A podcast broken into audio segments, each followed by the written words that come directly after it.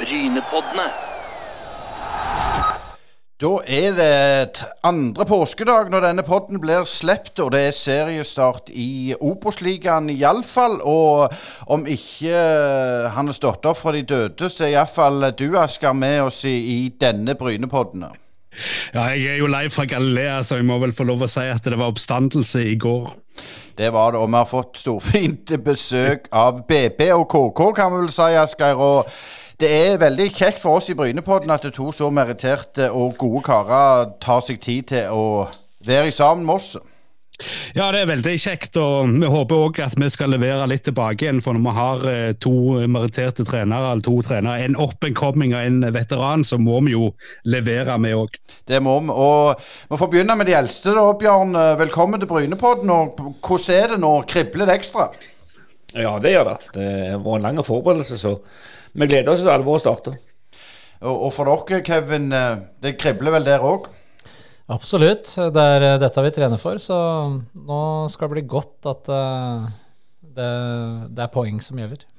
Eh, Jeg vet ikke eh, om jeg, hvor vi skal begynne. Skal vi begynne litt med overganger? For det har alltid vært litt interessant å se. Hvis vi begynner med dere, Bjarne, så er det jo en del ut og inn. Jeg vet ikke om du Er det sånn at du har veldig god kontroll på det, eller skal jeg gå litt igjennom? Dere har jo mista f.eks. Eh, Torbjørn Heggem og, og Jostein Ekeland og fått inn en del. Fortell litt om, om de som kom inn og ut.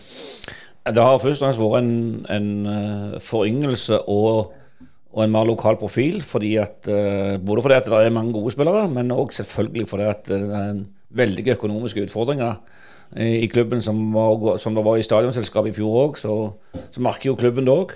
Og eh, vi er nødt for å ta hensyn til de, de rammene vi har, og derfor så har vi ikke klart å vi har ikke hatt økonomi til, til å erstatte spillere som har forsvunnet med like uh, meritterte spillere. Men det betyr ikke at vi ikke kan ha et spennende lag for det. Eh, men jeg har lyst til å ta fram f.eks. sånn som Heggem og, og Eikeland. Hva er det du på en måte mister? Du mister to gode spillere, men mister du noe annet da? Mister du lederen i Jostein Ekeland. Han var jo kapteinen. Den som, eh, som var veldig flink til å få alle med seg. Heggem er først om soliditeten. Han var aldri vekke på trening. Spilte alle kampene. Aldri skada. Så, så det er jo det som er det, og, og var en av de mest stabile forsvarsspillerne i Obos-ligaen, syns jeg, da.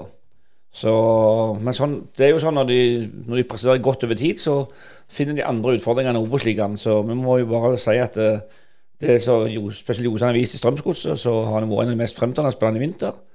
Og Heggem har spilt ganske mye i Brommabrukene. Nå starta han ikke serieåpningen, men han kom innpå. Så det er ikke tvil om at de er blitt lagt merke til. Eh, Bjarne, jeg eh, kikket litt tilbake i historien eh, før, før denne sendinga, tilbake til Bryne i 2004, når de var kanskje litt like situasjonen som dere er nå i år, når de henta mye lokalt og brukte det aktivt i markedsføring. De hadde rett nok Lemsalu, eh, Roger Eskeland i mål og Asle Andersen, og de fikk jo yoga rett før seriestart. altså De hadde ei sentrallinje som vel fungerte ganske greit. men har dere vært flinke nok til å bruke eh, dette faktum at dere nå har mye lokale spillere? For Den gang var det enorme oppslutninger rundt Bryne når de må, måtte sope inn omtrent det som var av lokale talenter. Det vil jo vise seg når vi begynner å spille. For det, at, eh, det er ikke nok med lokale spillere hvis vi ikke spiller god fotball og vinner. Så det, vi må i hvert fall starte med det. For likevel så, så klarer vi ikke å øke interessen med den konkurransen vi har med, med spesielt Viking da, om publikum. Eh, det er jo litt uh, forstemmende når, når Viking spiller heimekamper, så er det stappfulle tog fra Sandnes til Stavanger med, med Viking-supportere som bor i Sandnes. Og jeg tror ikke vi klarer å omvende den 40 pluss-generasjonen som har Viking på maten. Så vi må starte med de unge og få dem til å, å, å være lyseblå istedenfor mørkeblå. Når det gjelder dere, Kevin, så har dere òg gjort eh, en del endringer eh, ut med, med noen eh, bærebjelker, f.eks. sånn som Bjarne Langeland. Dere har fått inn eh, eh, Diao på lån og, og eh, Abel Stensrud på lån. Eh, Bjørn eh, Kaidov, keeper inn, eh, ble jo skada. Hvordan er status på, på de nye, og er du fornøyd med det du har fått? Ja, eh, som sagt, eh, Bjarne var jo en kontinuitetsbærer som gikk ut. Eh, det Henning Romslo, kaptein, eh, ikke minst. Eh, I tillegg så, så var det også et par andre der som hadde vært eh, mange år i, i Bryne, da, med Vegard Aasen og, og andre. Men det handla for oss også litt om det å det å fornye, det å forynge litt, og det å få inn kanskje litt andre typer enn det, det disse var. Disse har gjort en kjempejobb for Bryne over flere år. Eh, men nå var det kanskje sunt med, med noe annet. Eh, de du var inne på der, det er et par lånespillere. Nå har også Arne Gunnes gått andre veien til, eh, til Ranheim. Og det er jo et valg vi har gjort i forhold til de typene vi ønsker å ha i, i front. Eh, du har en Kaitoff, de har uheldig med, med, skade, men vi har fortsatt to keepere. Eh, eh, så får vi nå se hvor lang tid Kaitoft bruker. I tillegg så har vi ønska å forynge oss litt, vi også, som uh, Sandnes og Bjarne er inne på, med en uh, Noah Mnenei fra, fra Færøyene. Spennende unggutt, landslagsspiller derfra. Uh, vi henta Saunes, som vi kjenner godt til fra, fra Hødd, som også er inne her. Samtidig som vi har fått en Husebø som ikke var på banen i fjor, knapt nok pga. skade. Så det er en del nytt. Og vi har brukt oppkjøringa godt, syns jeg. Konstellasjonene begynner å, begynner å sitte. Og så jeg er ganske trygg på at vi er på et bedre sted nå enn det vi var på samme tid i fjor bedre ut enn noen gang, så der har du i hvert fall fått den, ja. en god spiller hvis han holder seg skadefri. Ja, og, og det var også var en, en, ganske mye skepsis uh, utenfra på han. Uh, men vi, vi, har jo fleipa litt med det. Vi har jo fått uh, tilbake Vikinglandet, som vi gjerne sier, for han har vært meget bra. Og for de også som så kampen i dag, så, så er han god, altså. Nå, litt down sammen med resten av laget rundt den treningsleiren, men de to siste kampene han, han gravd bra. og eh, som sagt, han, han, er sulten, og vi ser litt sånn eh, revansjelyst der. Eh, det, det, tror jeg helt sikkert. Kevin, du er jo ikke lenger ny på Bryne og skal ta fatt og bygge lag i, i januar. og Du arva jo mye av det laget i fjor fra Jan Halvor. men Sånn rent, Når du tenker gjennom fjoråret kontra i år, altså er dette Kevin Knappen sitt lag? og, og er det noen ting du holdt på å si skulle gjort annerledes i fjor når dere starta enn i år, utenom dette med de treningskampene dere hadde mot antatt dårligere motstand i fjor? Eh, nei, foruten de treningskampene, det er vi ganske tydelige på. at det, Der skulle vi ha matcha oss tøffere. Eh, men på en måte, det var jo sånn eh, Det var det laget du hadde, og du må, du må gjøre det, det er ut av det du har. Og det, jeg var klar på hva jeg gikk inn i. Og du kan liksom ikke snu opp ned på alt de, de, første månedene. Så vi visste jo at det kom til å ta noe tid, men eh, at vi skulle trøble så voldsomt som vi gjorde i seriestarten, det, det håpte vi nå ikke. Men uh, utvilsomt, ja. Uh, nå ligner det mer et, uh, et lag som vi ville ha hatt Ja, som, som, som, vi har fått forme. Det, det er helt riktig. Litt tilbake til dette med å få inn nytt blod. Vi er jo alle Liverpool-supportere her, og da var det jo sånn det var de samme elleve i fjor de spilte. Men, eh, men, men, Bjarne, hvor viktig er det å få inn nytt blod, selv om, om, om gjerne ikke kvaliteten er som du sier, høyere enn den han var. Men er det viktig det for dynamikken i gruppa? Det er veldig viktig fordi at du på et eller annet tidspunkt så hvor god du er, så stagnerer du i, hvis du har likt hele veien. Og de andre tar deg igjen. Og det er jo det vi har sett med Liverpool. det er at De andre har jo lært hvordan de spiller, og tar det igjen, så har de ikke nok friskt blod. Uh, sånn at uh, Ja, det er viktig, men uh, aller viktigst er kvalitet. Så du ikke bare får nye hvis det ikke er kvalitet. Og sult. Det er det aller viktigste til å jobbe hardt. Jeg har lyst til å inne på, på, på, det som jeg Asker har diskutert litt om dette med når, når, når, du kom inn som unge spiller, Bjarne, det med å ha respekt for, for, for den eldre generasjonen og bli lært opp. Vi husker før at de verste skoene og, og, og mest sagt bilene og sånn. Hvor store endringer har det blitt på det? Ikke så veldig mye. Det er fortsatt de unge som gjør alt dritarbeidet. De bærer mål, de bærer baller, de tar utstyr. Så det er ikke noe sånn særlig forskjell på det. Og jeg, når jeg kom inn som 20-åring i Viking i, i, tid, i, i, i tilbake til 77, så syns ikke jeg det var noe sånn, sånn farlig hierarki. Selvfølgelig hadde du respekt for de som hadde spilt på landslaget, og de som hadde spilt i mange år, men ikke noe overdreven respekt. Så du, du du må jo ta plassen sjøl med en gang, og du må sette deg respekt sjøl ut ifra det du kan som fotballspiller. Så, så, noen unge er ledertyper, noen er det ikke. Så, så, sånn er det. Vi Bjørn, litt eh, videre på det der. Det var et sånt intervju med Alan Shearer for mange år siden. Han fortalte når han kom til Southampton og Jimmy Case, den gamle legenden, liksom, forklarte han at dere må være klar over at dette ikke varer forever, og at dere må forberede dere og være tå hev osv. Altså, Ser du det i dag, at de eldre karene de gruppa lærer opp de unge og forklarer dem og viser de ting, eller er det helst du som må ta deg av den jobben? Nei, Det er varierende. Det, det er jo noen uvaner vi forhåpentlig ikke lærer fra seg. De eldre, Det er ikke alle som har, de, har topp vaner på alt. Men de som har de gode vanene, håper vi selvfølgelig skal overføre det til, til, de unge. Men, men, det er jo ingen unge så det hjelper ikke å bli, å bli hudfletta av de eldre hvis det ikke er noen grunn for det. Da er det mye bedre å være konstruktive og, og rettledende enn å bare kjefte på dem. Men, men, men, føler du ikke at det er en endring der fra de tider? Altså, jeg tror Kevin, du, du tenker at det er en litt endring i forhold til, til før. At det kommer opp en kall det en cocky 16-åring og skal liksom Men han tar plass, da, som du sier? Ja, det er, altså, jeg føler at det er en litt annen generasjon som uh, kommer opp nå. Og det handler om en litt annen tilnærming til autoriteter. Det kan man gjerne se også i skolen, hvor uh, respekten for da, autoritetene der har blitt litt borte eh, hos enkelte. Men eh, jeg tror vi skal ikke gjøre det så generelt å si at det er liksom alle unge. Det er, det er individer eh, som, vi også er inne på her, med, med, rollemodeller og det å være en som lærer av seg som en erfaren spiller, det også er veldig individuelt, som Jørn er inne på. Vi har noen som er veldig flinke på det, og så er det noen som har mer enn nok med deg sjøl, selv, selv om det er godt oppi åra. Men sånn som når dere henter inn spillere, spørsmål til deg begge, men med deg først, Bjarne. Er det noe dere ser på hvordan de er? Eller er det Du må jo ha kvalitet, selvfølgelig.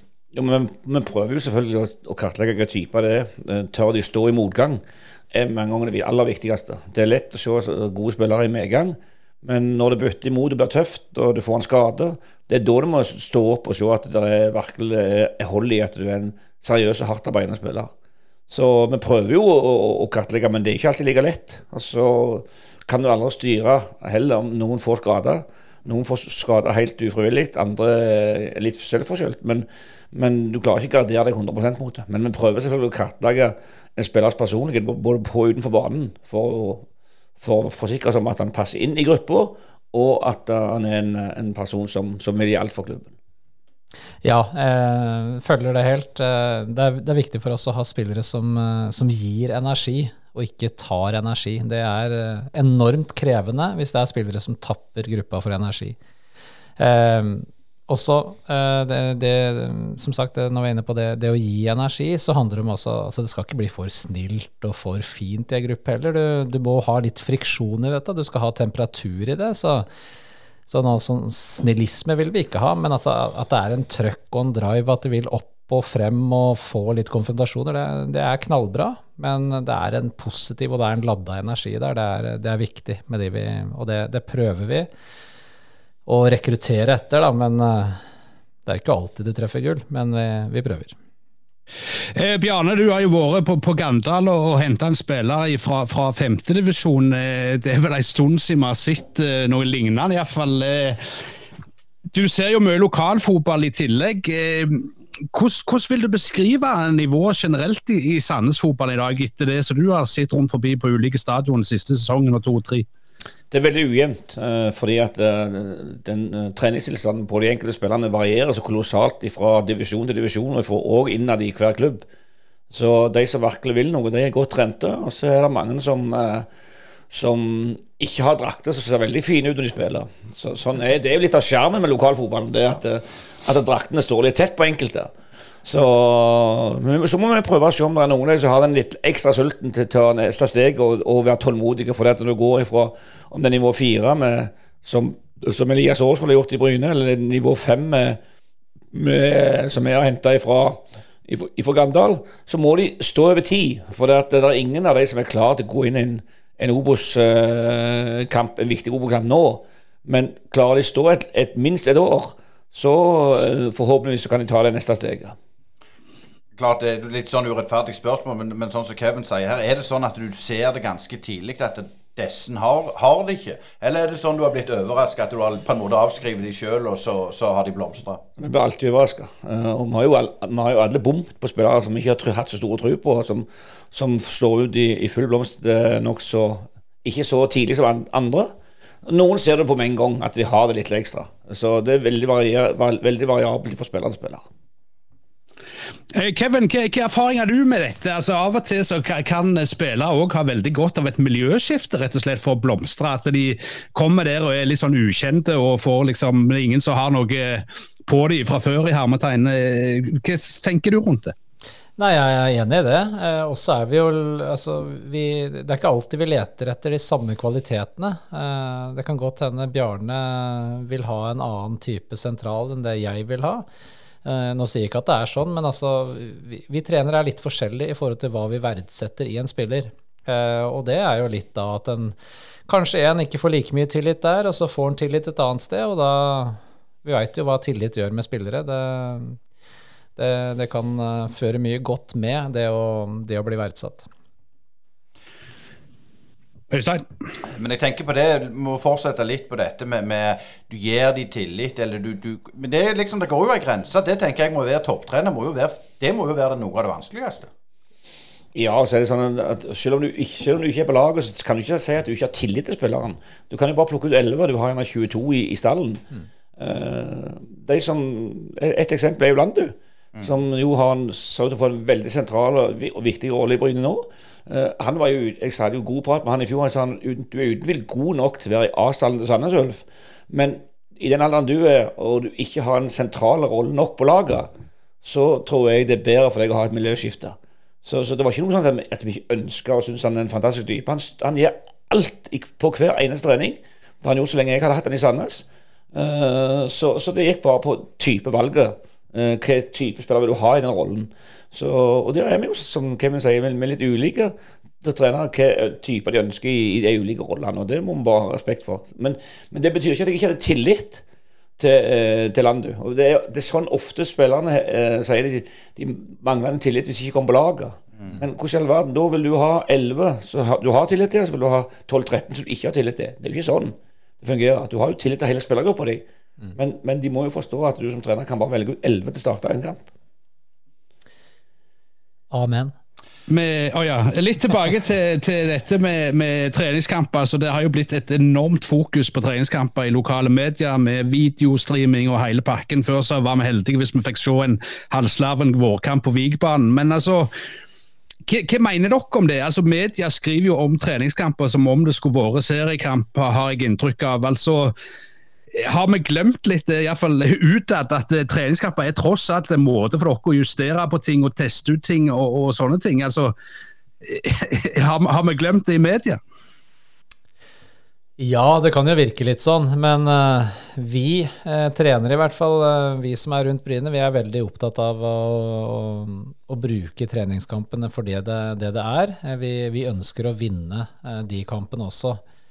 Eh, men så kan det være sånn at vi allikevel gjør nå seks-sju bytter på slutten. Altså, og da, da, blir det så som så, kanskje avslutningsvis. Men eh, da evaluerer vi det, og så tar vi kanskje med oss veldig mye positivt før vi har gjort alle de, eh, de byttene. Så eh, treningskampene brukes godt, men det er Vi evaluerer ikke bare resultatet, vi evaluerer mer prestasjonen. Eh, Bjarne, hva er det du tenker om det? Jeg tenker Det er fantastisk at de, eh, at de interesserer seg så mye for at de både sender og kommenterer privatkampene så mye som de gjør. Så det viser bare fotballens posisjon, eh, spesielt her lokalt. Og så er det trening. Med noen kamper har du, har du på en måte et, såkalt toppalag. Andre kamper så, så, har det vært mye viktigere andre spillere i, i, i ulike posisjoner for å, å, gardere deg mest mulig hvis det skjer noe når du kommer i, i serien og kampene teller, slik at du ikke får en kjempeoverraskelse med at du må skifte en og sette en spiller i en posisjon der han ikke har vært tidligere. Eh, kan du si litt om, om eh, holdt på å si, eh, det du har sett? og Bjarne, Dere har jo svingt dere òg, som, som, Bryne har, med, med slå Start f.eks., som er tippa høyt oppe der blant annet. Altså, er det sånn at det Start, selv om det er en treningskamp, at de fyrer litt ekstra? da? Ja, de gjør det. Du fyrer alltid litt ekstra mot lag som er tippa høyt oppe, og som i utgangspunktet skal slå også. Så er det klart at uh, vi så jo en enorm forskjell på på innstillingen til våre gutter mot Start på lørdagen og Eik onsdagen etterpå. Det var som natt og dag. og det, og det kan du ikke gjøre noe med, for sånn er, sånn, sånn er dynamikken. Du må bare lære av det og si at det er sånn som vi opptrer mot, mot Eik, det, det holder ikke i det hele tatt. Da taper vi samtlige kamper i Obos-ligaen. Men er det òg litt med tanke på at det er en del unge, eller betyr eh, Nå gnåler jeg om den alderen igjen, men, men, eller betyr ikke det noe? Nei, det betyr ingenting. Hvis du kan være like off som du er, når du er etablert som du er en unge. Så, og når, når du kommer til en kamp der nesten alle er off, så nytter det jo ingen grep over. Da er det bare off. Og Vi har hatt to elendige kamper i år. Den ene var på Bryne. Da ble rundespilte, eh, spesielt i første omgang. Og den andre var mot Eik. Det var to elendige kamper. Så har vi hatt veldig gode kamper mot et ukrainsk lag, mot Jerv og mot, mot uh, Start. Sånn at uh, vi har vist at vi kan slå med spiller jevnt og slå de lagene som er tippa veldig høyt oppe på tabellen. Så vi går med nokså positive foreløpig. Eh, Kevin, dere òg har vel vært litt sånn Mr. Jekyll, Dr. Jerkel og Mr. Hyde sist nå mot Åsane. Hvordan er det der som treneren? altså akkurat den situasjonen når du har en, en psykologisk kollaps hos gruppa. Altså, kan du fortelle litt om den dynamikken sånn i ettertid? Hva er det som skjer der? Nei, nå var dette dette var jo planlagt. Eh, vi, vi, var fantastiske i første. Gikk, eh, og vi bør egentlig gå inn med, med 3 og 4-0 der. Eh, og så fleip da med at det var planlagt. Men, men det at det, det, som skjer i andre omgang, det er ikke noe, det er ikke noe unikt i fotballsammenheng, det. At et lag som leder 2-0, uh, eh, mister litt initiativ. De andre må frem. Off, ja, hva skal jeg si, ja. Spiller mer risikabelt, flytter flere folk høyere i banen. gjør et par endringer. Og så den kampen her, da, den, den klarte vi jo for så vidt egentlig å ri av det første kvarteret press i andre omgang. og da da fikk de ingen målsjanse, og så ut av ingenting så blir det et flipperspill inn i egen boks, og så er det ja, en dårlig involvering der, og så er det 1-2 og kamp. Ganske unødvendig. Men uh, som sagt, uh, det gjør ingenting for oss. Vi hadde en positiv opplevelse store deler av kampen, og så veit vi at hvis vi ikke holder det oppe, så uh, da er dette Obos. da blir det 2-2. en kamp du strengt tatt skulle vunnet før andre omgang hadde starta. Og så alle vet, vi er avhengig av gode sponsorer, så de som kommer nå, de skal være med oss til Nederland om noen ganske få dager. Jæren sparebank. Din lokale sparebank.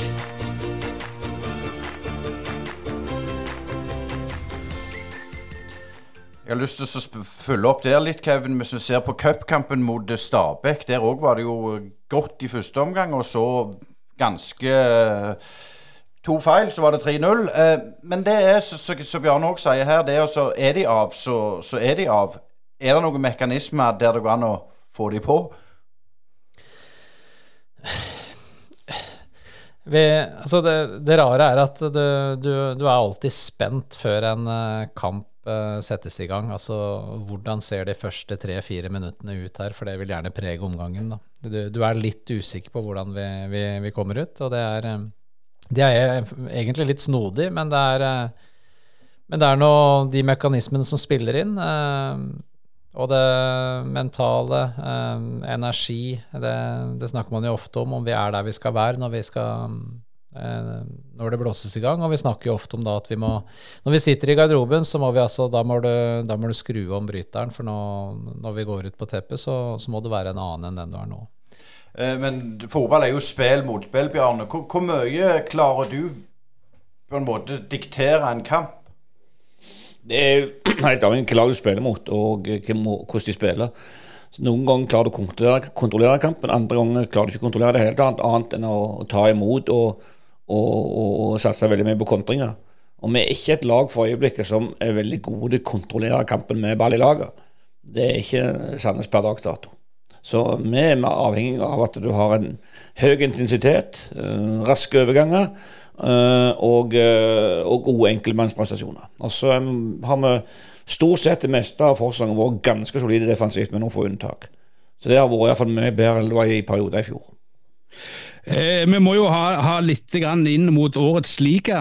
På papiret så ser det kanskje ut som det kan bli litt endringer i Obos. Før har det vært ett og to lag som har stukket av gårde og, og, på en måte dominert før sommeren eh, og holdt det gående. Er det en åpnere liga i år, sånn på papiret, tenker dere? Ja, eh, klart åpnere enn i fjor. Det, det tror jeg helt sikkert. Eh, I fjor så fikk vi ned lag som eh, Brann og Stabæk, som da strengt tatt er eh, godt voksne, erfarne eliteserielag. Eh, I år så kommer lag som eh, KBK og Jerv ned. Eh, ikke noe forkleinelse til det, men altså det er litt mindre lag enn Brann og Stabæk. Eh, samtidig så ser vi at eh, en hel del andre lag eh, ruster eh, og bruker bra med midler, med, med FFK, eh, Start, Sogndal, Kiel, Koffa er der. Så det er, det er mange som, som har økonomiske muskler, og, men jeg tror nå at eh, det blir en jevnere serie i år enn i, i fjor. Ja, Brann var jo helt suverene i fjor, og de har jo fortsatt med omtrent det samme laget. Så har de jo feid alt i, over banen i, i privatkampene. Uh, mot Haugesund så var de helt dominerende. De, de, de knuste jo Sogndal 6-0 nå. Så det Brann presterte i fjor, det var ikke Obos-nivå. Det var eliteserienivå, og, og det har de bare fortsatt med. Uh, Stabæk var litt annerledes for det, der tror jeg at Iallfall min vurdering er at uten trenerskifte i august måned, så er det ikke sikkert at de hadde slått fulle med, med, med Brann til opp. For da var de på, på en ganske god nedtur. og Fikk inn uh, rutinerte Lars Bohin og som klarte å styre skuta inn, så, som var veldig viktig for Stabæk. Men før sesongen var det jo ingen tvil om at de to var de store favorittene. Eh, I år så holder jeg Kristiansund som den store favoritten for, pga. rutinen og pga. den fysikken de har, og, og spillere med masse erfaring, og spillere som er veldig attraktive for eliteserieklubber. Men bak eh, Kristiansund så holder jeg det veldig åpent. Eh, der, der er jo kommet opp eh, andre lag, som Kevin, du nevnte jo ikke f.eks. Moss, som òg vil heve en del penger inn i, for å komme seg opp i det gode selskapet igjen. Men altså, når en ser fram mot sommeren, så, så vil jo ting eh, sette seg litt og, og utvikle seg litt. Men er det òg en fare at en vil se på en måte noen sånne økonomiske utskeielser òg? For, for vi vet jo det i fjor, det var en del klubber som eh, leverte ganske gode røde tall. Og ikke bare tenker jeg på, på Sandnes Ulf, men rundt forbi landet. altså Det var jo rykter om, om klubber som sleit og så vidt kom over streken. altså Kan vi plutselig få noen sånn poengtrekk i år? Er det noe dere tenker over, eller er det fullstendig utenfor deres banehalvdel? for å si det sånn? Eh, jeg for min del, dette rår ikke over i det hele tatt. Og hva som skjer i de andre klubbene sånn rent økonomisk, det, det aner jeg ikke. Men, eh, men at sånne ting kan oppstå, at eh, sånn rundt ved sommertider at det er noen som vil slite med økonomi, det, det vil fort komme. Vi så jo trenden i fjor. De som ikke kunne gjøre grep ved sommeren, de, de sleit litt høstsesongen. De som kunne gjøre noen grep, eh, som eh, vi bl.a. gjorde, Skeid gjorde det, de fikk jo et bra løft på, på høstsesongen. Så det er viktig å ha litt, eh, litt romslighet når det kommer til sommeren, økonomisk. Men sånn som for dere i, i Sandnes Ulf, Bjarne, du er veldig tydelige på det at dere, hadde, har, altså at dere må se litt på krona. Hvor vanskelig er det å styre i det farvannet? Altså Nå har jo du vært leder i skulle jeg si, 100 år, og jeg regner med at du takler det på en, en grei måte, for, for du, du kan ikke bruke noe du ikke har. Men, men preger det organisasjonen og spillerne? Nei, det gjør det ikke. For de vet de er veldig klar over det. Det har vært veldig åpenhet om den økonomiske situasjonen. Den nye daglederen har vært veldig flink til å informere spillergruppa. Sånn at eh, det er ikke noen overraskelser der. Og, jeg som har vært med så lenge jeg er med, vet at det, er det ikke noe Er det ikke penger i kassen, så er det ikke penger. Da må du jobbe med de du har, eh, og være fornøyd med det. For det, nytter ikke å snakke med det du ikke har. Det er ingen som blir god av å høre om alle vi skulle hatt. Det er mye mer viktigere for, for oss som trenere å snakke om hvor gode kan du gjøre de du har. Eh, Det må være fokuset hele veien. Og så så får vi se hvor langt det retter. Men eh, det skifter jo veldig fort. Uh, Raufoss hadde jo enorme problemer i, i fjor økonomisk, og det var snakk om at de ikke kunne fullføre sesongen. I år er det vel det eneste laget i Obos-ligaen med tre lange treningsleirer utenlands. Så det skifter enormt. To, to turer på Marbella, én med Tyrkia. Så, så der er det iallfall kommet inn friske midler hvis de ikke bruker av det de ikke har. Ja, Det er synd det er ikke noen ammunisjonsfabrikker på Sandnes, for da kunne dere òg høste godt av det. Det er jo mye der med Manno, Nanno og, og sånne ting. Men eh, Bjarne, litt sånn, du har jo nevnte jo her så vidt at dere har fått en ny organisasjon eh, inn i, i Sandnes Ulf etter at eh, folk har sittet der ganske lenge. Hvordan, hvordan Er det endra noe i din hverdag at det er en ny organisasjon med, med Øystein der og, og de andre folka? Ja, Vi har jo jobba tett med Øystein som uh, kommersiell leder, så, så det går veldig fint. Og det er jo sånn at Av og til er det naturlig at det blir et skifte etter så mange år. Du går litt uh, tom av ideer og krefter og energi etter hvert. Og uh, jeg tror det var en eh, Jeg tror det var veldig uh, gunstig tid å, å ta de endringer på. Og, og Tom Runes har gjort en fantastisk jobb i så mange år. Eh, han, eh, han kan gå ifra med heve hodet over den, den jobben han har gjort i så mange år. Eh, Sånn For din del, Kevin, i Bryne så er det jo òg masse nye på, i organisasjonen og administrasjonen, nye trenere inn og sånn. Eh, Bjarne sier at de, de holder fokus på det sportslige og kan ikke gjøre så mye med det andre. Men hvordan er det for dere? Blir dere òg preget av at det kommer Altså, det blir hele veien endringer? Nei, det har gått fint. Det eneste vi har merka sånn innad på huset, er at jeg og Bjørnstad vi har rykka ned en etasje. Eh, Vi har fått kontor nede nå, og så har Hans Øyvind flytta opp. Så det er det som har skjedd på huset. Men uh, som sagt, mange nye folk inn. Men uh, det tenker jeg har vært eh, Eller det, det har blitt til det bedre, da. Eh, vi trengte å, å få opp trenertettheten, rett og slett.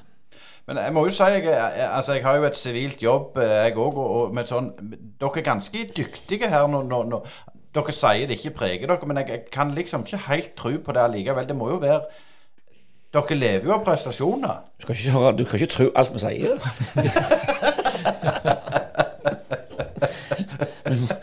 Vi må jo si det så det høres på en, ut på en fin måte. Ja, det er Neida, det, det, det er ikke noe problem. Det. Hvis du er usikker, spill skråsikker. Så enkelt er det.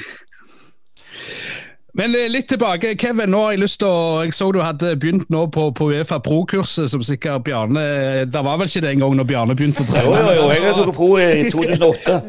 Ja, med, den med, leg, med legendene Kjetil Rekdal og andre som var på samme kurs, som Ståle Solbakken. Så på mitt kurs var det bare legender, så var det en, eh, en jypping og Figgen i tillegg. Nå er, vel, nå er det vel Kevin og en trener fra, fra Skarpsno. Men, men Kevin, litt om, om det opplegget der. Hva, hva er ditt inntrykk? Du har vel vært på ei samling så langt, hvis jeg ikke tar feil? Ja, jeg har vært på ei samling, det er, eh, men det er veldig spennende. eh, Veldig givende. Eh, Det er noe man har, eh, har lengta etter når du er inne i den, eh, den tilværelsen vi er, altså fotballtrenerrollen, så, så er det til tider også veldig ensomt. Vi, eh, vi, vi lærer jo av å observere og, og snakke med andre, men det blir liksom din boble, eh, ditt sted eh, ditt lag hele tida. Det er sjelden vi får tid til å gå ut og, og, se andre og få nye impulser. Men det, det får jeg nå virkelig gjennom denne samlinga her med masse dyktige eh, trenerkollegaer.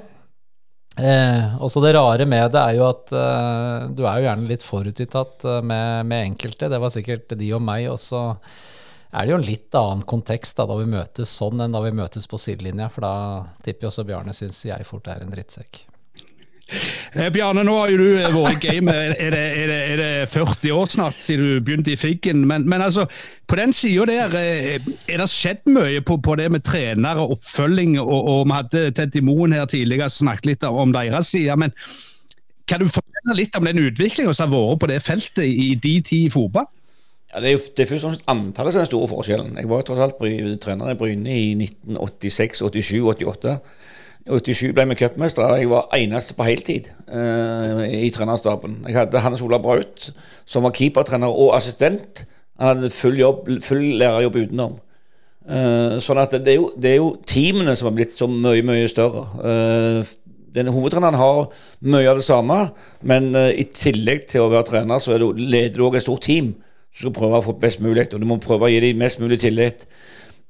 Det med, det med utdannelsen, det er klart at det, er, det, det, det, utvikler seg hele veien. Kursene blir bedre og bedre, mer og mer interessante, du lærer mer, og du, du henter inspirasjon fra utlandet. Jeg syns det var utrolig kjekt å være på prolisenskurset fordi at det var så enormt godt samhold mellom de trenerne som var der. Og vi utvikla så mye erfaringer. Og en, en ting som skiller seg ut i det norske trenermiljøet, det er at vi er mye flinkere å dele med hverandre enn det de andre større liker. Det er iallfall tilbakemeldingen vi har fått fra de som har vært i andre større liga av norske trenere. Så er det mye bedre delingskultur i Norge eh, på det vi jobber med. Eh, når du nevner det med andre liga, nå skal jo Brynepoddene ned til Hærenfen og, og møte Daniel Karlsbakk bl.a. Om så skal vi ned til Ajax litt eh, og, og se det på en Future Cup. Og, og Bjarne, du husker jo Johan Cruyff og den gjengen der. Hvor mye har på en måte den europeiske, nederlandske fotballen betydd for, for norsk fotball? Selvfølgelig mye. Vi får en stor inspirasjon. Nå er jeg jo heldig å, være trene på den andre benken med Johan Cruyff når jeg var trener i, i Viking i 92 og møtte Barcelona. Så Da var han skikkelig forbanna på meg, spesielt når vi spilte hjemme. Han, lurte på hvorfor vi spilte håndballformasjon. Vi lå med alle bak, så sa jeg bare til han den eneste sjansen vi har, det er å ligge alle bak, og så håpe at dere gjør noe feil. Så ble det to jevne kamper. Tapte 1-0 i Barcelona, 0-0 hjemme. Og da, var jo, da hadde jo de et, et kjempelag. Sånn at uh, han ble, ble ikke så veldig populær akkurat da på han, men, men det er klart, jeg hadde jo en stor ærefrykt når, jeg- eh, når jeg var trener der han og møtte den legenden der. han hadde. Da, da var det ikke så, var ikke så høy i hatten da, altså. Nei, men, men for, for, for din del, Kevin, når du ser på, på nederlandsk fotball altså, Det er jo bare en maskineri som spyr ut på talent og talent og talent. Da spurte jeg eh, eh, Peter Veland om det samme spørsmålet. Hvorfor bare kopierer vi ikke den akademiklassifiseringa de har, og så gjør vi det samme her? Nei, det er nok ikke bare så, så enkelt. Men eh, jeg føler jo at vi tar steg her i Norge òg, på akademiklassifisering. Skoleringa blir bedre og bedre. Mange av de store klubbene har kommet langt. Vi er i startgropa her nå i, i, i Bryne. Eh, og på sikt vil dette generere flere og flere gode spillere. Vi ser jo våre yngre landslag, de har gjort det bra over lang, lang tid nå eh, i, i flere mesterskap, kvalifisert seg til mesterskap, og også hevda seg. Så vi, vi har hatt Altså, vi, vi har mye bra på gang nedenifra, og jeg tror det gjøres og jobbes mye riktig eh, nå når det gjelder unge spillere. Når, når vi er inne på dette temaet, Bjarne, så, så har jo du erfaring fra Viking, der du brukte veldig mye av det som var produsert i akademiet der. og En kanskje ser litt færre av de som kommer opp nå pga. at laget er i en annen divisjon og har på en måte litt høyere mål igjen. Men altså, er det òg en fare at du får opp en god gjeng, og så blir de gående og, og på en måte tetta igjen for andre? Du har jo det samme eksempelet fra, fra Barcelona under Pep, der f.eks. Ja, at det var mange spillere der som måtte bare finne en annen klubb fordi at eh, de ikke kommer inn i det der Iniesta, Savi, eh, Messi-laget. Det, det er jo ikke lett. Men altså, er det en fare der òg, at en på en måte propper igjen når en har nådd et visst nivå? At en ikke klarer å ta inn nye igjen? Du, klarer, du kommer alltid ta nye, men eh, det er jo helt naturlig i denne næringskjeden her, så forsvinner de beste. Og de beste forsvinner på et tidspunkt. Forhåpentligvis er det flere og flere som velger rette tidspunkt å gå ut. Det er jo det som er avgjørende. For det hjelper ikke å gå ut hvis du ikke får spilletid i det hele tatt. Det er ingen som utvikler seg av ikke få spille fotball. Så, og jeg syns bare det er kjekt at, eh, at de, alle, mange av de lokale som vi klarte å bringe opp og få fram, om det var fra Sola eller hvor det var ifra, eller fra Stabekk med Thorstvedt, at de har klart å ta steget etterpå. Det syns jeg bare er kjekt. Og, og det viser jo litt av sulten at de ikke ser på, på Viking som endestasjon. De, de ser ikke på norske klubber som endestasjon. Og det, det er jo den sulten der vi må få fram. Og så får vi forhåpentligvis komme i en situasjon der, der samarbeidet mellom spiller, trener og klubb er så godt at vi klarer å få det rette tidspunktet til å gå videre på, uten at det er agenter som bestemmer hvor tid de skal gå videre. For de har en helt annen eh, agenda enn enn det å tenke bare sportslig for spillerne. Eh, Litt om, om toerlaget deres òg. For jeg tenker, for, for noen år siden så hadde toalaget en ganske grei ferd som regel gjennom eh, tredjedivisjon. Nå har jo de blitt fortetta, de puljene, og det er færre lag. og, og sånn. Er det en utfordring for, for de såkalte toerlagene at de må ned et hakk i forhold til det de har vært for tidligere? Altså Gapet fra fjerde for eksempel, til, til Obos blir for stort? Ja, for vår del så, så er det nå litt eh, stort. Eh, Det hadde jo helt klart vært ønskelig å ha hatt et annet lag i, i tredje. eh, utvilsomt. Men, men per nå så, så er vi ikke gode nok til det, da. Og det må vi jo uh, bare ta inn over oss. Eh, vi har åpna fint nå ved to seire på to mulige i, i fjerde div. Eh, Det var en serie vi sleit i fjor. Da var det jo stort sett eh, 16-åringer som var der. Nå har de blitt et år eldre. Eh, vi har spedd på med noen A-spillere disse to kampene. Så får vi se da hvor, eh, hvor langt opp de kommer. Men eh, det er, det er helt klart ønskelig å ha et eh, annet lag i, i tredje divisjon, men eh, det koster. eh, og så får vi nå se om vi har kvalitet nok. Hva tenker du om det, Bjørn? For oss har tredjedivisjon vært veldig bra, men det er tøft å holde seg eh, med, med unge spillere. Men så, så bruker vi eh, veldig ofte så bruker vi spillere som ikke har spilt på A-laget. Eh, spiller på toerlaget uansett hva alder de er, men vi har den begrensningen at vi kan kun ha tre på banen som er over 21 år. samtidig. Eh, og det, det, er jo litt hemmende av og til, selvfølgelig, i forhold til valget du har. Eh, men, men, som arena for unge spillere så er tredjedivisjon meget bra. Det er tøft. Det er mye gode lag. Det er mye gode, tøffe fysiske seniorlag. Det er mye gode spillende lag. Så eh, jeg forstår godt at Kevin har lyst til å komme opp på det nivået med sitt, uh, sitt toerlag fortest mulig. For det er en kjempefin arena for unge spillere. Men Litt interessant det du sa der med, med trener, klubb og, og spiller. Den samarbeidet der, Kevin. Hva tror du, er, er det det som er liksom nøkkelen til å få enda mer ut og enda bedre spillere, tror du, framover i norsk fotball? Uh, en gang til. Altså Du tar spiller, trener og klubb blir enige om en karrierevei, kall det det. Ja, det tror jeg er kjempeviktig. Uh, vi, vi sto og diskuterte dette litt når vi snakka om uh, Elias her, i forhold til hans vei inn. kontra det skal han spille tredjedivisjon der han har vært nå, eller skal han hit, er han nære Obos, eller blir det fjerdedivisjon? Hva er det beste for han? Så da er det viktig at uh, vi, uh, trenere, klubben, uh, spilleren, blir enige om den veien og, så, og staker ut en kurs, så ikke han blir lidende. For han skal jo ikke ned og spille fast ett hakk lavere enn det han vanligvis har spilt de siste åra. Da blir det jo feil. Men tror du det er litt utfordringen til klubbene, at det er så mye følelse at de ikke klarer å tenke klart på en måte? Ja, da, er selvfølgelig mange som ikke klarer å tenke klart hvis de går utover sin egen plass. Det, sånn er det jo. Det er jo, det er jo en konkurranseidrett. Og, mm. og spillerne konkurrerer om plasser. Så mange vil bli skuffa. Og så er det håp, håp, forhåpentligvis er det ikke mange som får dårlige råd utenfra. Det kan være foreldre, det kan være agenter. Det er veldig mange her som har en oppfatning om de ulike spillerne som ikke alltid trenger å falle overens med det som treneren mener. Som, som er den som tar ut laget. Jeg tenker det også er viktig hvis, hvis vi har en spiller da, som uh, gjør det så bra i fjerdedivisjon, altså scenen begynner å bli for, uh, for, liten der, men allikevel så er han for langt unna uh, Obos. så må jo vi sammen sette oss ned og se bør han lånes ut til uh, tredjedivisjon, bør han lånes ut til andredivisjon. Altså da må vi finne muligheter, da. Hvis uh, fjerdedivisjon blir for enkelt, og vi ikke får mulighet til å gi han nok minutter på, på Obos, da må man finne andre løsninger. Men det, det som du sier, agenter har jo eh, Nå hørte du noen grelle eksempler at de skal selge spillere så eh, ei uke etterpå mest sagt er invalid og sånn. Men dette med agenter var jo veldig mye snakk om tidligere. Det har vært litt roligere nå. Men hvordan er det nå for, for dere, Bjarne? Er det, er det, liksom litt hår i suppa ennå, eller har du et greit forhold? Nei, vi må ha et greit forhold, for de, de har så stor innflytelse.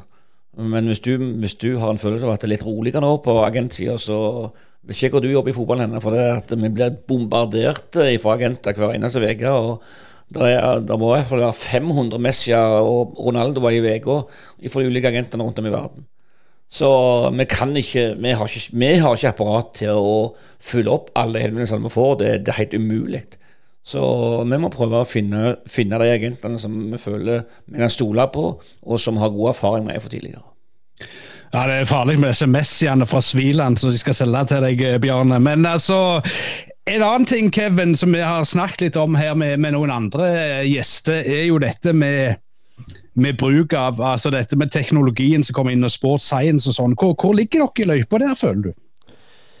Nei, jeg føler at vi er ok med på dette her. Eh, jeg har en bra mm, analytiker. Vi har eh, full oversikt over de vi møter. Vi har eh, vi med på, på stadion. Vi, vi, får det vi skal ha ut av treninger osv. Så, videre. så jeg tror ikke vi står tilbake for mange lag, i hvert fall. På vårt nivå.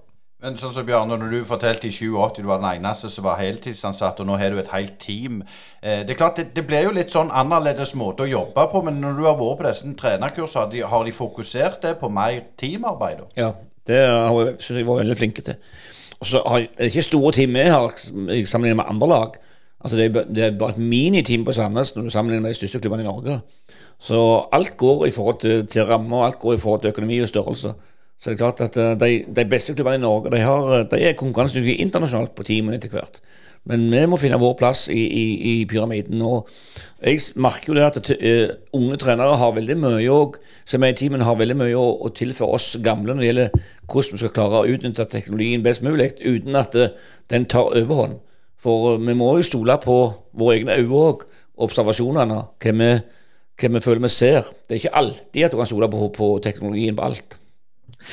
Og så er det jo litt jobb med å spole på disse VHS-kassettene i tillegg. Så, så det, men litt eh, inn i, i eh, mot eh, Obos kontra Eliteserien. Er det gapet mellom de to divisjonene blitt større om året, eller er det mulig å tette igjen eh, for, et, for et, så to klubber som Sandnes og Bryne òg?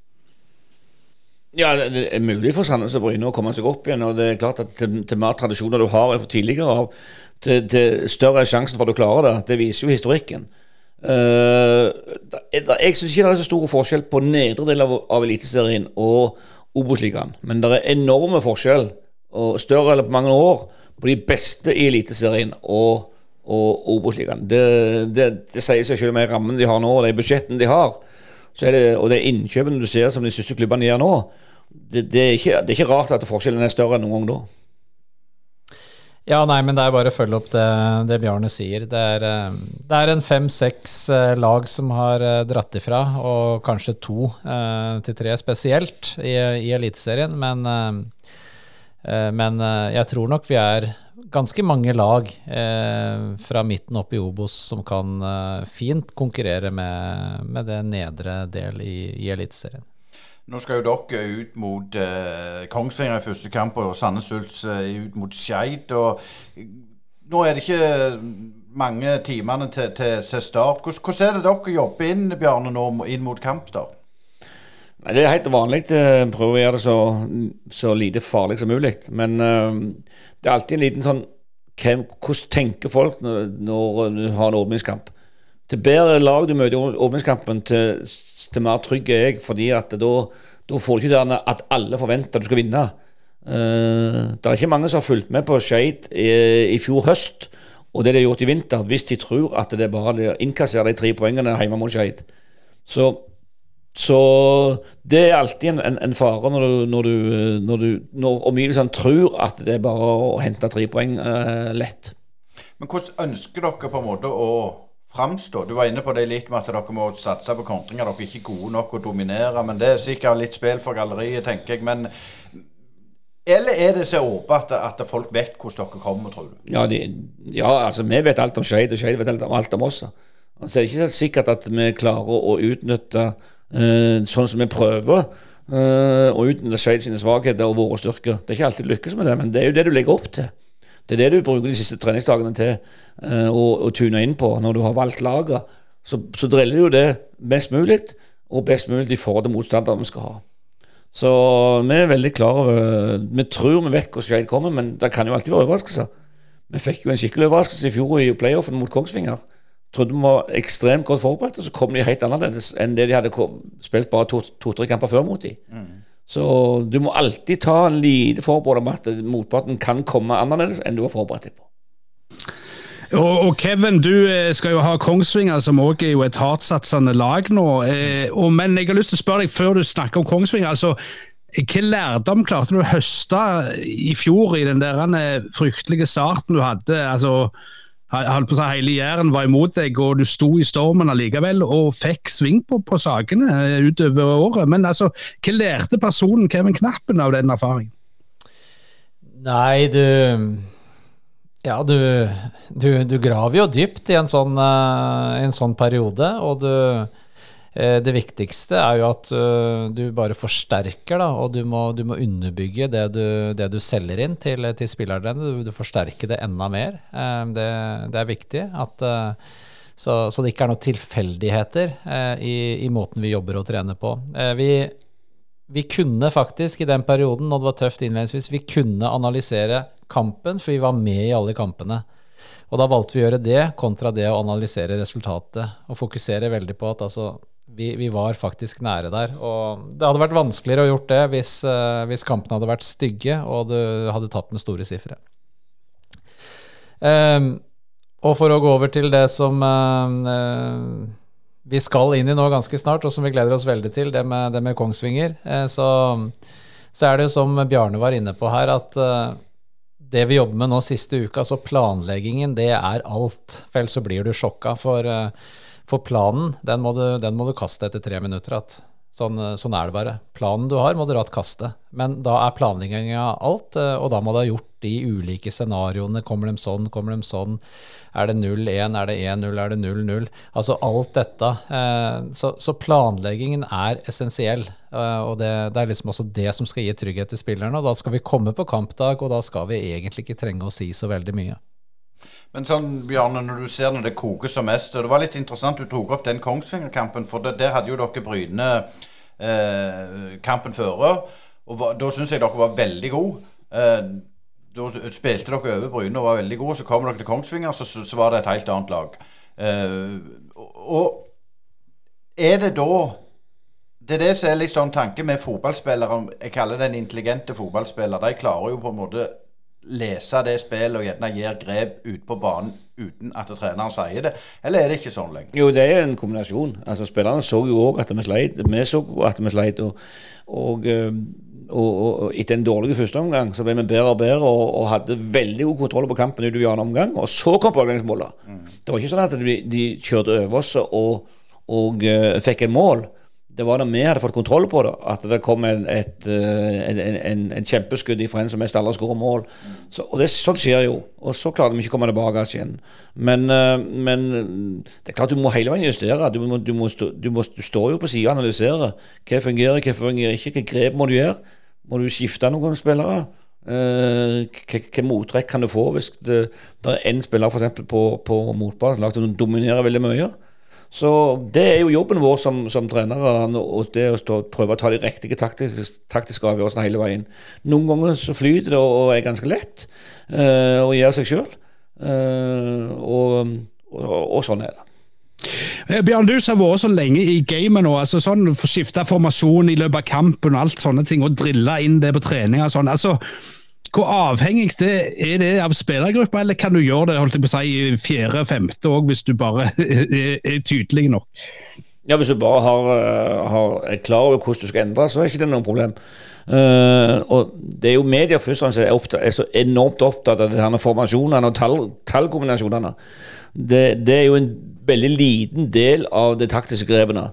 Det, det, kan være andre ting som er helt mye mer viktige enn de der tall, tallkombinasjonene. Det er å prøve å lese klimaet i kampen, prøve å ta ut de beste sidene på, på motparten, og forsterke det du sjøl er god på. Hvordan er det for, for, dere der, Kevin? Litt det samme som jeg stilte Bjarne spørsmål om det med at spillerne tar det jeg, De ser jo at hvis det lugger, selvfølgelig, mm. men, men, er det, er det, det er der det kommer inn med spillertyper, at du søker noen som kan ta tak i det? Ja, eh, du, du, ønsker jo ledertyper som kan uh, lese kampklima, som, uh, som Bjørn er inne på. Det å kunne identifisere motstanderen. Identifisere hvordan de kommer ut, hvordan de er i forhold til det vi har planlagt for. Det er, det er, viktig og bra. Og så er det også like mye vår jobb fra sida å gi de tilbakemeldingene inn til spillerne. Men ja, det er, en, eh, det er, en, viktig del av spillet, det, og det kan du gjerne utligne med en, med en grunnoppstilling i forsvar, da, eller et presspill og en tallkombinasjon. Men, eh, men, det taktiske er jo også, som sagt, det å eh, Hva gjør vi til enhver tid i, i, løpet av kampen? Når skal vi ta momentumet ut av kampen? Når skal vi dra ned tempoet? Eh, når skal vi kjøre overgangene? Altså Hvis vi har fått et press, i, press en god stund imot, så bør jo ikke da vi slå en lang ball og en overgang. Da må vi altså prøve å få, få farta ut av kampen, og hvordan løser vi det også? Men du, du har døm, dømt når du har trent i, i Eliteserien, Bjørn. Er det store forskjell på spillerintelligensen? Ja, Det er jo det, for noen spiller på toppnivå, og noen spiller på nivå to. Selvfølgelig er det forskjell, men, men uh, men det er veldig individuelt for spiller til spiller. Noen er jo kjempeintelligente selv om de spiller på nivå 4 av 5 mm. og, og, leser klimaet veldig godt, mens andre ikke har den evnen. Så, men det er klart, det bedre spiller de er, det, det bedre leser de stort sett klimaet. Men da har jeg lyst til å spørre hvem, hvis det, En tidligere som du har trent, hvem som var best til å lese klima, hvis du kan bare komme opp? Nei, det er altfor vanskelig spørsmål. Så, så, så, så god husk har jeg ikke lenger. Jeg setter han fast, Askar. Ja, Det er vel Bjarne Berntsen, midtstopper på Figgen. Han leste jo spillet og trengte ikke springe engang, så det, det, var jo ganske enkelt svar, men det får jeg ta. Men Det var jo veldig fornuftig ikke trene å springe, da, for det var jeg ikke spesielt god til. Men, men begge to altså, dere har jo, begge to opererer jo under budsjett som trent til mindre enn det som Potter og, og Brendan Rogers fikk i fallskjerm når de ble fyrte i forrige uke. Men altså, hvor sårbare er dere for skader? Altså, hvor, hvor, hvor, går smertegrensa i forhold til troppen? Eh, hva skal jeg si? Vi, vi er fornøyd med den 20-mannsstallen vi har. Eh, vi har en fire-fem uh, unge karer som, uh, som, uh, som, banker på underfra i, i den 20-21-mannstroppen. Og så har vi da en 15-16 som, som, har erfaring fra, fra Obos-nivå. Så det er vi ganske trygge på at vi, er, vi, står, vi står ganske godt og skal, skal kunne tåle skader. Vi har fått trent ganske godt på det nå i vinter, for de mest erfarne spillerne våre har stort sett ikke vært så veldig mye på bane i privatkampene. Så, så, vi har fått god trening på å, å, spille uten de som på papiret gjerne hadde de største navnene når sesongen startet. Men nå er vi snart eh, ved veis ende. Vi har hatt en god time sammen. Men som jeg spør deg, Bjørn. Hva har du vært mest fornøyd med under oppkjøringa, og hva har du vært mest misfornøyd med? Mest misfornøyd med at vi har hatt uh, noen kamper som har vært veldig dårlige. Uh, veldig fornøyd med at vi har hatt så gode forhold hele vinteren på, på, på, egen stadion. Fått trent veldig bra. Hadde òg en, en, bra treningsleir. Selv om, om noen baner var for dårlige, så fikk vi veldig bra utbytte av det. Og vi fikk møte tre utenlandske lag, som er en stor inspirasjon, istedenfor å møte de samme hele veien. Så, så, er det klart at det er litt bekymringsfullt at det har vært så mange etablerte spillere som har vært lenge ute, og, og som ikke er klare til seriestart. Ja, nei, jeg er veldig godt fornøyd med at vi faktisk har klart uh, stort sett å, å, unngå det med skader. Så belastningsstyringa tror jeg har vært, uh, vært, bra hos oss. Uh, nå er det jo sånn at Bjarne kan jo ikke rå over akutte skader. Vi også fikk jo en akutt skade på vår keeper. Det får vi ikke gjort noe med. Men som sagt, belastningsstyringa har vært bra, tror vi. De, de, har trent godt, de er på et bra nivå nå. Og, og vi har stort sett vært skadefri. Oppkjøringa gjennom, det er vi veldig godt fornøyd med. Vi er godt fornøyd med at vi har fått utvikla vårt eget spill, altså grunnspillet, er bedre enn det det har vært. men så syns jeg vi fortsatt vi, vi slipper inn for, for mye mål. Eh, Bjarne, hva er målsettingen til Sandnes Ulf i år? Målsettingen er å ha fokus på hver kamp uh, med såpass store endringer i spillerstallen at, uh, at uh, vi, har, vi har tona ned resultatmålsettingen, men vi har veldig fokus på at vi skal gjøre gode kamper. Og har fokus på at vi, vi skal forberede oss ekstremt godt mot neste motstander. Um, og så er vi selvfølgelig så, så ønsker vi å gjøre det bra. Vi ønsker jo når vi hadde playoff i fjor, så ønsker vi selvfølgelig å lukte på det i år og, og, vise at vi er et godt lag.